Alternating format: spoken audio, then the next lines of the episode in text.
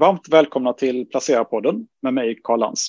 Idag ska vi få en uppdatering av grafnestorn Carl Gustav Gyllenram, eller CG som han velat kalla sig. Han har över 40 års erfarenhet av aktiemarknaden och var en av dem som introducerade teknisk analys i Sverige i mitten av 1980-talet. Idag driver han kapitalförvaltningsfirman Ability Asset Management i Göteborg. Varmt välkommen hit Seger. Tack så mycket. Kan du berätta lite om vem du är och vilken bakgrund du har? Jag började alltså då på SE-banken. Jag kommer ihåg det lite grann i maj 84 som finansanalytiker. I Stockholm?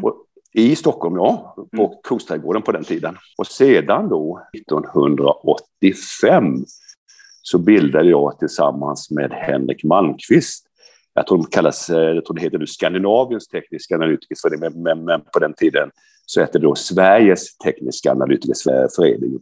Och så var jag också i samband med det Sveriges representant i den internationella föreningen med 30 olika länder.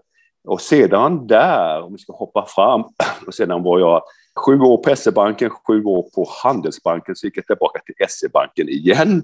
Eh, och så de sista sedan 2005 så har jag tillsammans med min vapendragare Tony Ugrina så driver vi då tillsammans Ability Asset Management som är ett värdepappersbolag där vi enbart jobbar med diskretionär förvaltning. Sen också 1998 så publicerade jag min första bok om då aktiemarknadens psykologi.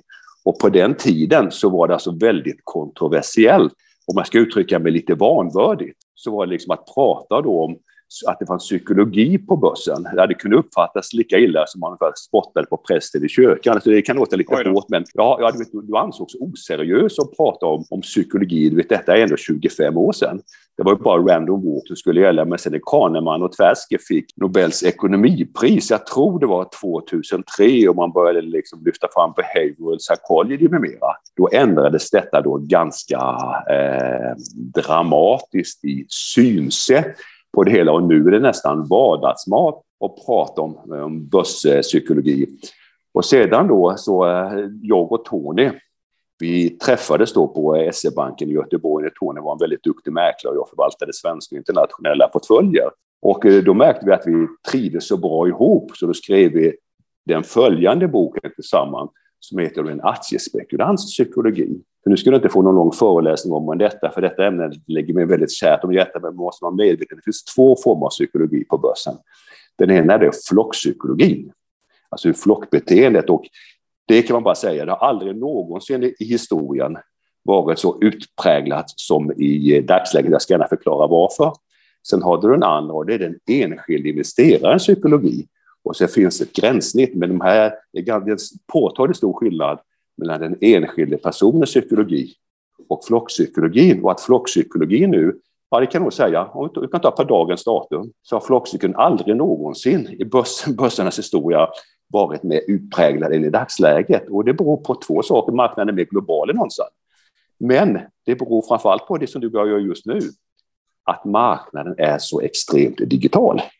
Så det är så otroligt lätt att ge efter för din impuls. För det enda man behöver göra nu, om jag tar upp den här telefonen, aj, det går upp eller det går ner, och utan, eller bara med några sekunders eftertanke, så kan du trycka på en knapp. Och kanske har många fått erfara att det är väldigt lätt att tekniskt göra affärerna, men det är inte nödvändigtvis eh, särskilt lätt då att, att tjäna pengar på det hela. Så varsågod. Och, och, och sen, sen då så bildade jag Sen eh, 2003 var Tobbe Tony en av delägarna i Ability. 2005 hoppade jag på och sen 2007 så driver jag eh, och Tony firman tillsammans då med säte i Göteborg. Det var väl en, ja, en hyfsat kortfattad beskrivning och då kanske något i längsta laget. Så man kan säga att du var, du var den första som eh, lite grann introducerade teknisk eh, analys i Sverige? Ja, och, och börspsykologi kan man också säga då? Ja, de, de, de, de, de riktiga pionjärerna bakom teknisk analys, det var ju faktiskt då på den tiden Mats Jonnehag och kanske det något famösa eh, Sixten Öhman för, för länge sedan. Men Mats Jonnehag skulle jag nog vilja ge mycket, ge mycket credit. Jag tillhör väl, så inte de första, men jag tillhörde kanske de tidigaste, framför allt att vi då verkligen såg till att föra ut det. Vi hade ju nästan alla firmor i Stockholm, stora som små, var ju då medlemmar i, i det hela. Men på börspsykologi däremot, så får jag nog säga, och eh, det, det är jag lite stolt över där, att även om jag skrev boken för 25 år sedan så kan jag säga att det aldrig någonsin varit mer aktuellt än i innevarande börsläge. Om, om vi hoppar till, till nuvarande börsläge då. Du, du är väldigt duktig eh, på analys. Hur, hur, eh, hur ser du på marknaden just nu? Det är ett väldigt, det är ett väldigt intressant, något svårbedömt läge. Och, och en sak som gör det är att på måndag så börjar ju rapportperioden. Och då har du Sandvik som kommer, om det Geting och Atlas och ett par till. Och sedan i slutet på veckan så kommer det extremt mycket rapporter. Och då blir man, jag brukar skriva det i brevet, jag, vet, jag har snart varit 40 år i branschen. Varje gång blir jag lika förvånad över att börsens största, börsens absolut eh, största bolag då eh, kan svänga lätt 5 till 10 procent upp eller ner när, när, när när eh, rapport, rapporterna kommer. Och, och hur, hur man då än försöker så eh, är det oerhört svårt att veta hur marknaden ska vara. Det kan vara så att, du vet att siffrorna, du vet, det blir oftast ganska häftiga reaktioner. Siffrorna kommer in, de kan ju, de kan ju vara underkant och sen så kommer prognoserna och då, är, då ser de bättre ut och sen så är det en press, presskonferens med företagsledningen med, med där så att det är så du är och vet hur marknaden ska reagera. Men däremot när kurserna är så nedtryckta som de är nu så tycker jag ändå att oddsen ligger på uppsidan. Då har du en bit. Sen har du också nedgången. Detta har ju varit en av de värsta nio månadersperioder i börsens historia. Och ser man då strikt statistiskt, min kollega Tony är väldigt eh, bra på siffror, statistik och matematik. Och när han tittar på sina körningar och, och utgår från då en liknande period som denna, att du har den här typen av nedgång under den här tidsperioden och så ser man tre år framåt, så har detta varit ett utomordentligt intressant läge att placera. Sen behöver man inte, vet kan ju allting hända, så man kan inte behöva vara överdrivet aggressiv, men tittar du strikt statistiskt och historiskt på eh, under alltså de sista hundra åren eh, och, och ser vad som brukar hända när marknaden har betett sig så här under ett år, så har du liksom tre år senare haft en påtagligt god avkastning. Sen har du två andra väldigt viktiga aspekter. På sistone så har börsen samvarierat, den svenska börsen samvarierat extremt tydligt eh, med den svenska tioårsräntan. Och den svenska tioårsräntan har i sin tur samvarierat synnerligen bra med den amerikanska tioårsräntan. Det, det, var, det, det är nästan som lång och lerhalm i det här läget. Och sen så har du ytterligare, och det är ju typ världens absolut största börsvärde, två tredjedelar av, alla, alla, av allt börsvärde finns ju då i USA. Och den marknaden, ja, Sverige är ju eh, väldigt, alltså Sverige samverkar med USA och i väldigt stor ut, ut, utsträckning med Tyskland. Så samvariationen, du måste alltid bevaka USA, framförallt standarden på. Eh, 500 och eh, sen måste vi bevaka de fem största bolagen, de här så kallade Big Five, de står ju för 25 procent av börsvärdet. Sen har du den tyska, tyska börsen och USA. Det som är intressant lite grann att vi börjar, har, vi har ökat, vi har varit klart försiktiga, eh, men vi har nu börjat öka risken. Och det också, om du ser igår så finns det en, ja, i normala fall, en, en väldigt nästan ur teknisk aspekt men också psykologiskt så har 3600 punkter i USA varit en väldigt signifikant nivå. Och det är inget märkligt med det att när marknaden går ner på en nivå som testar av flera gånger i, i juni, tror jag, när vi var nere, därefter så vände USA upp 19 procent. Mm. Sen testade var det bara för några veckor sedan, då vände det upp 6 procent. Men det som hände igår när vi, när vi bröt den här nivån, liksom för all, det är någonting som alla kan se, det får liksom inte riktigt, då, då följer USA 2 eh, procent och slutade 2,6 procent upp. Vi kan se i, i Sverige att det också, vi märker att om vi uttrycker som så att jag kan inte se eh, beteendemässigt att marknaden eh, tydligt signalerar för uppgång. Det kan jag inte se, men jag kan se eller märka, det är bara att konstatera att det börjar spjärna emot på nedsidan. Eh, och man ser, ser man nu på den svenska långrätan så börjar den spjärna emot på uppsidan. Man kan ju se liksom med, med de inflationssiffror vi såg i, i, i Sverige igår att den svenska långräntan skulle ta ett skutt uppåt. Nej, den har tagit ett skutt nedåt, för då tänker man att då, då får väl Ingves ta, ta i med, med, med, stors, med, med storsläggan. Så det är ett svårbedömt men intressant eh, läge och det är så som vi själva agerar, är precis som vi skriver i vårt sista veckobrev. Vi, vi, vi, spelar lite grann på två planhalvor. Vi har en, en bred portfölj gott om likviditet och så har vi hedgat portföljen lite grann så att vi väldigt snabbt kan komma in i marknaden. Så vi har ökat eh, risken eh, en hel del, men inte till den grad att vi skulle bli stressade om, om marknaden nu skulle falla ner igen, för att fortfarande är det ett kritiskt och svårbedömt läge. Men eh, vi har blivit... Mer positiva helt enkelt. Mm. Ja, ja och, och har agerat och har agerat eh, därefter. Men när rapport, ja, om två veckor kommer bilden ha, ha klarnat när rapporterna har kommit. Och i, I tio års tid så har ju eh, de amerikanska bolagen, förutom pandemi, Q1 där eh, under pandemin, slagit förväntningarna. Hur de lyckas med detta, det kommer en drös med bankrapporter idag eh, som jag inte har hunnit studera än. Men när ni, när ni säger att ni har ökat risken igen, är det några speciella sektorer då du tänker på som där det är mest attraktivt att gå in i just nu? Eller är det liksom generellt över hela marknaden ni ökar exponeringen? Det beror på lite grann naturligtvis, men om du om du ser vad du, vad du är ute efter, alltså om du vill ha stabilitet med ändå god potential så kan man se liksom, så har du ju banksektorn i det här. Eh, sedan också där, som vissa, finns det ett antal som vi upplever kvalitativa fastighetsbolag som på den här nivån, alltså att följa Akelius i, fot, i fotspåren det behöver inte vara fel. Verkstadsbolagen bör också vara Du kan titta om du tittar på, ja, framförallt nu på Volvo och till exempel Sandvik. Nu kommer Sandvik med rapport på måndag. Vår favorit, om vi ska kolla på tillväxtbolag, så är vi väldigt sparsmakade. Men ett av de bolagen där man kan se att vinstkurvan fortsätter att peka rakt uppåt. Värderingen har gått rakt ner. Och de har också timingmässigt börjat se påtagligt intressanta ut så är ju den absoluta favoriten där, så är det ju Evolution i det här läget. För det, vi har, eh, när vi, det är för det är ett av de få svenska börsbolagen som man, man verkligen kan, ja, om du skulle gå igenom all världens bolag och välja ut de, de, de 400 mest kvalitativa bolagen, så är just vad heter det, Evolution ett, ett av de bolagen som, vad heter det, som eh, som eh, kvalificerar sig. Och det är när man sett vinstkurvan fortsätter att peka rakt uppåt. Men du ser att börsutvecklingen går rakt neråt och du har ett tillväxtbolag då som nästan ger 3% i direktavkastning och ett P tal som har kanske fallit bara till under, från kanske 50 till under, under 20.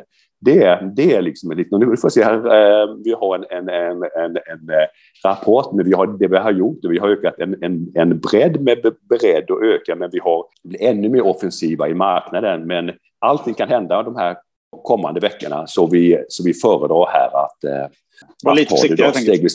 Ja, jo, du vet, man, man måste, du vet, man, du vet, inför en rapportperiod som kommer här.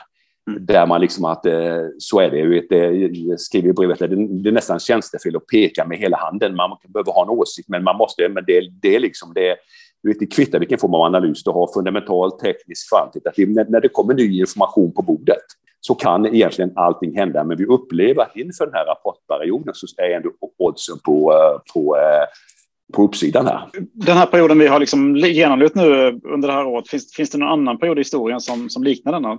Ur, ur ditt långa perspektiv?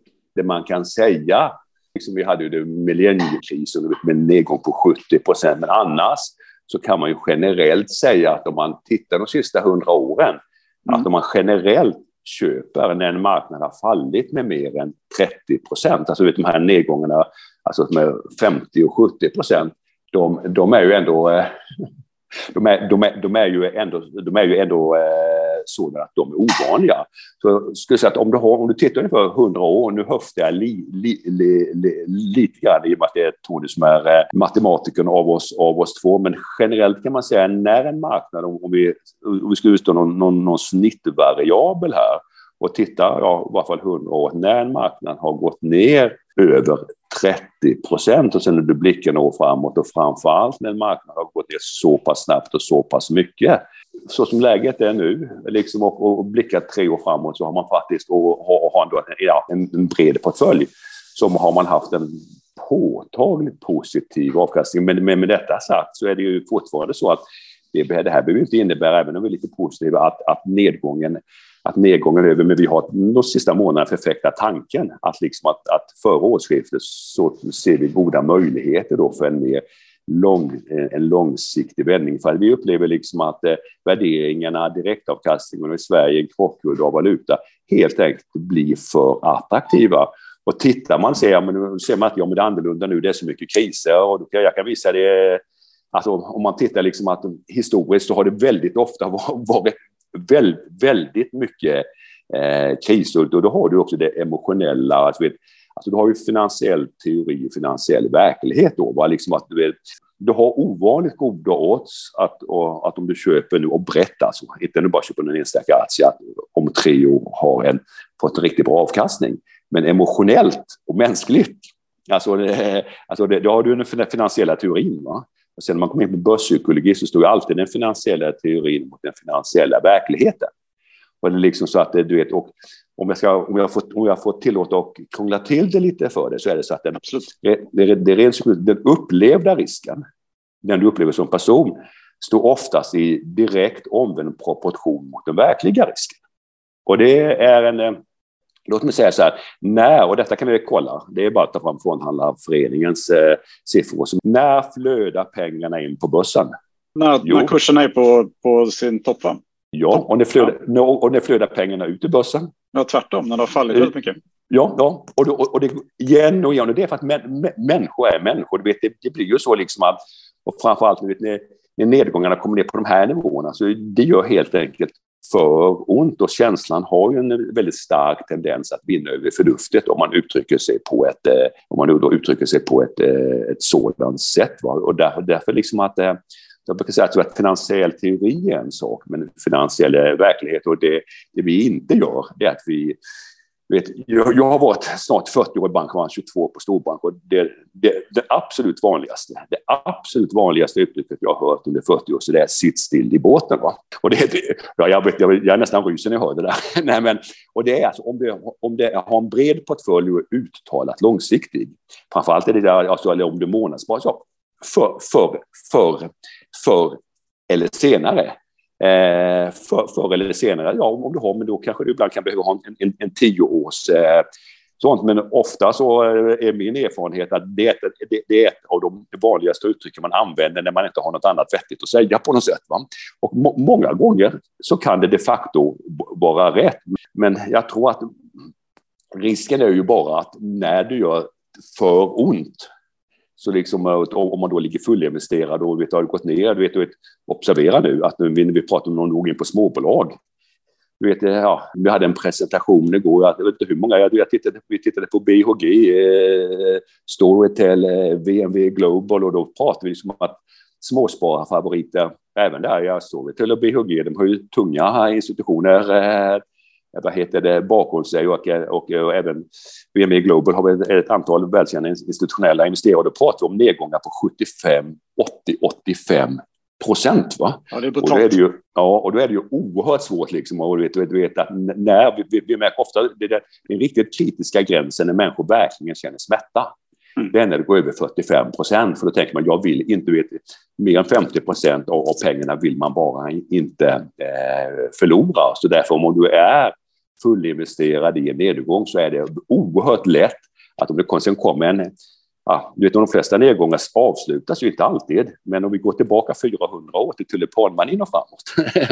då hade, ja, man hade, man hade terminen, det var en, en, ganska raffinerad marknad. Och sen går framåt så kan man se att det vanligaste sättet en marknad, en, en uppåtgående trend avslutas med är eufori, när man tror att allting ska gå till himlen.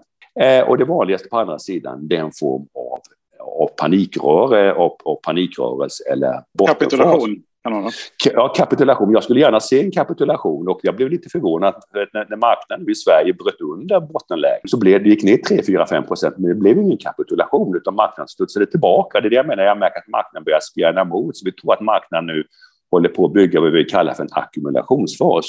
Och ackumulationsfas menar man liksom att det är de, de, stora tunga placerarna ackumulerar aktier från, från de som vill sälja och innan nedgången så hade vi USA en distributionsfas. Då är det de stora oftast tyngre, mm. för det, det, är alltid du vet, det, är det institutionella fotavtrycket som står börsen. Vet, det, det, det är ju de stora drakarna ändå som har, jag, jag bara menar, mm. det, det, det, de, de är det största kapitalet och störst påverkan. Lite som att Akelius börjar köpa nu, de här smarta pengarna kommer tillbaka igen kanske? Ja, precis. Ja, ja, ja, ja. Men visst, och har, har man då en välfylld kassa och institutioner har ju liksom oftast ett, många gånger har de har ett, ett inflöde med mera. Så vi pekar inte med hela handen och säger ja, men nu ska du rusa in på börsen. Men däremot kan vi säga att man bör definitivt överväga att åtminstone doppa fötterna och, och, börja, och börja tänka. För det finns så många bolag som har fallit så mycket av i, i princip i i alla, i alla branscher, både uttalat defensiva med mera. Men och då, ofta är det så, så att ja, bland, oftast initialt så brukar pengarna söka sig till de bolagen där människor känner sig eh, trygga liksom, och, och, och eh, de upplever en stabilitet. Men så det är en väldigt spännande men, men det, gäller, det gäller liksom att har eh, kommande veckorna nu måste man ha en påtagligt hög beredskap att det kan svänga, svänga mycket. Ja, precis. Mm. Så det kan både vara och, eh, och exakt hur det kommer att utspela sig. Men däremot när den här perioden är över, om vi skulle ha den här intervjun om två veckor, då skulle vi nog ha en, en betydligt klarare bild av det hela. För det är ju både den, i princip den svenska, den, de här tunga Apple och de med mer, de kommer ju inte förrän slutet på oktober. Men även så att om, om två veckor så har, har ju liksom att eh, så är ju bara för en ja, USAs, Sveriges och Europas rapportsäsong i, i princip över. Och då har vi då en, en, en, tror en betydligt klarare bild av det hela. Så vi har blivit mer från att ha varit ut, haft, en, från att ha haft en utpräglat låg risk så har vi eh, ökat den ganska tydligt men utan att för den vara aggressiv. Ungefär så skulle jag vilja...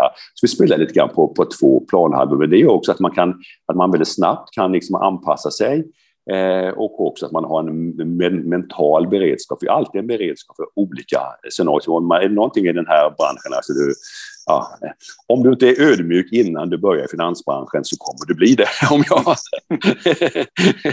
Vi väljer liksom att för närvarande ha en ganska bred exponering och i det här läget mot större bolag. Men sen är ofta, för det är oftast där liksom att eh, sen, sen lite grann om det om vilket vi tror efterhand kommer sprida sig med positiva vindar, ja, då, då, då, då kan det finnas goda skäl att växla över mot lite mer... Eh, mot, mot mindre bolag.